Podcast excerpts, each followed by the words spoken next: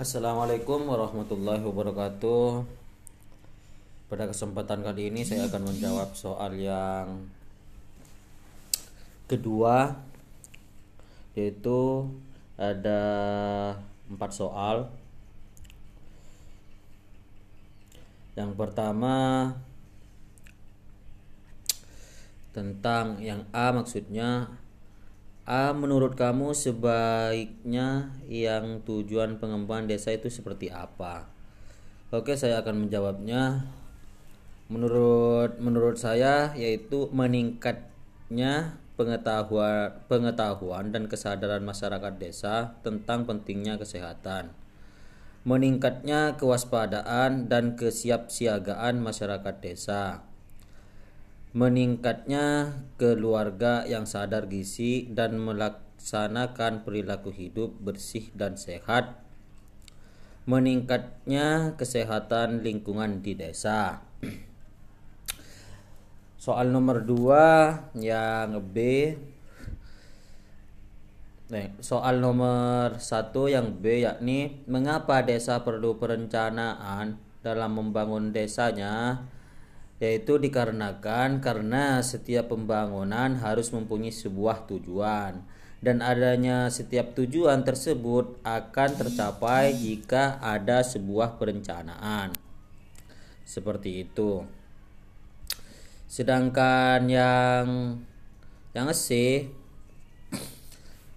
soal yang C yakni harus melakukan pengawasan dengan dua sisi pendekatannya pendekatan yakni pengawasan bersifat vertikal dan bersifat horizontal.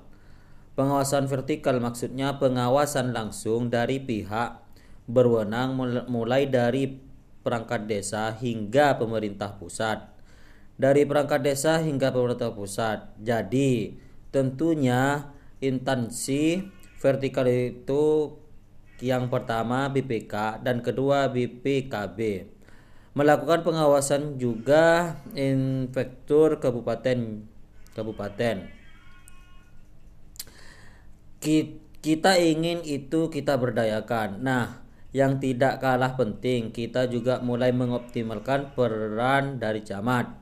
Ia meminta pihak kecamatan itu mengawasi. Dilakukan karena camat merupakan pimpinan tertinggi suatu wilayah. Oleh karena itu, ia menilai penguatan kecamatan merupakan hal yang paling penting dilakukan terkait pengawasan penggunaan dana desa. Sementara itu, dari kementerian sendiri juga diturunkan satuan tugas dana desa. Ia menjelaskan laporan yang diberikan Satgas sangat efektif dengan menggunakan metode random sampling atau menindaklanjuti laporan dari masyarakat. Kalau ada kesalahan administratif, ya kita bina. Tapi kalau ada indikasi-indikasi yang sifatnya melanggar hukum, ya kita serahkan kepada aparat penegak hukum. Mungkin seperti itu. Selain pengawasan secara vertikal dilakukan juga pengawasan secara horizontal. Maksud dari pengawasan horizontal adalah dilakukan oleh masyarakatnya sendiri. Menurut Anwar, pengawasan secara horizontal juga cukup efektif untuk mengawasi penggunaan dana desa. Jadi pengawasan dari masyarakat, kita ingin masyarakat betul-betul bisa melihat bahwa ini adalah milik bersama. Jadi mereka harus mengawasi, mengontrol sehingga penyalahgunaan bisa dikurangi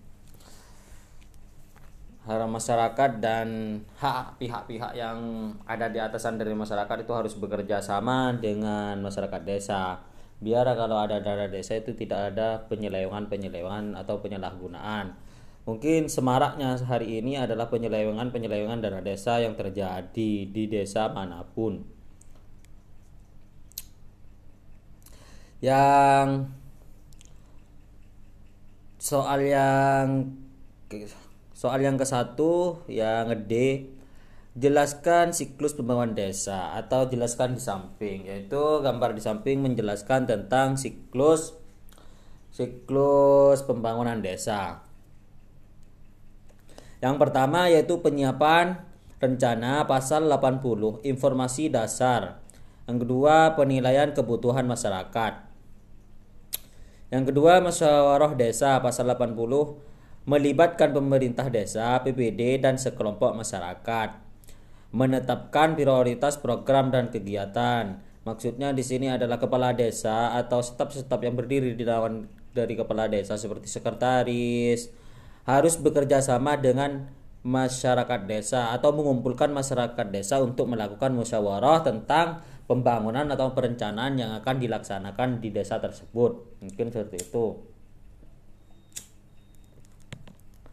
dan juga penetapan rencana pasal 79 yang ketiga ini RPJM desa dan RKPP desa ditetapkan Pemdes dan lagi satu desa dan satu perencanaan satu perencanaan Kedua, perencanaan menjadi pedoman APBD desa. Yang keempat, masukkan dalam rencana kabupaten desa. Lanjutan lagi, yang nomor 4. Penetapan APW APBD desa pasal 72 ayat 72 dan 75 yakni dalam isinya yang berbunyi yang pertama ditetapkan dalam Pemdes. Kedua, konsol, konsolidasi penerimaan dan pengeluaran alokasi khusus sesuai dengan kebutuhan pembangunan dan selaras dengan prioritas kabupaten. Yang kelima dari siklus pembangunan desa yakni pelaksanaan pembangunan pasal 81 yaitu melibatkan seluruh masyarakat dan lembaga masyarakat dilaksanakan secara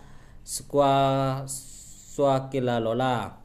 Masyarakat berhak memperoleh informasi Maksud apa yang digunakan di masyarakat desa tersebut harus kalau ada pembangunan itu masyarakat itu harus tahu atau ada anggaran atau ada plan yang terpampang di tempat tersebut, di tempat pembangunan tersebut.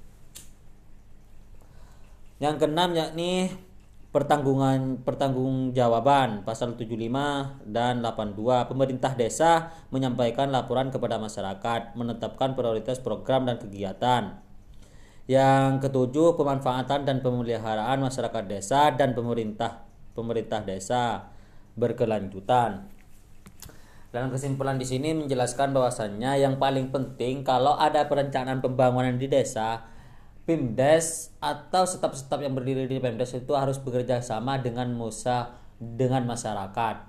Tidak ada ketertutupan, harus terbuka keterbukaan. Apa yang harus dilaksanakan? harus masyarakat itu harus tahu menggunakan informasi yang jelas dan valid biar tidak ada kesalahpahaman mungkin seperti itu karena saya melihat berita-berita itu di pernah baca berita di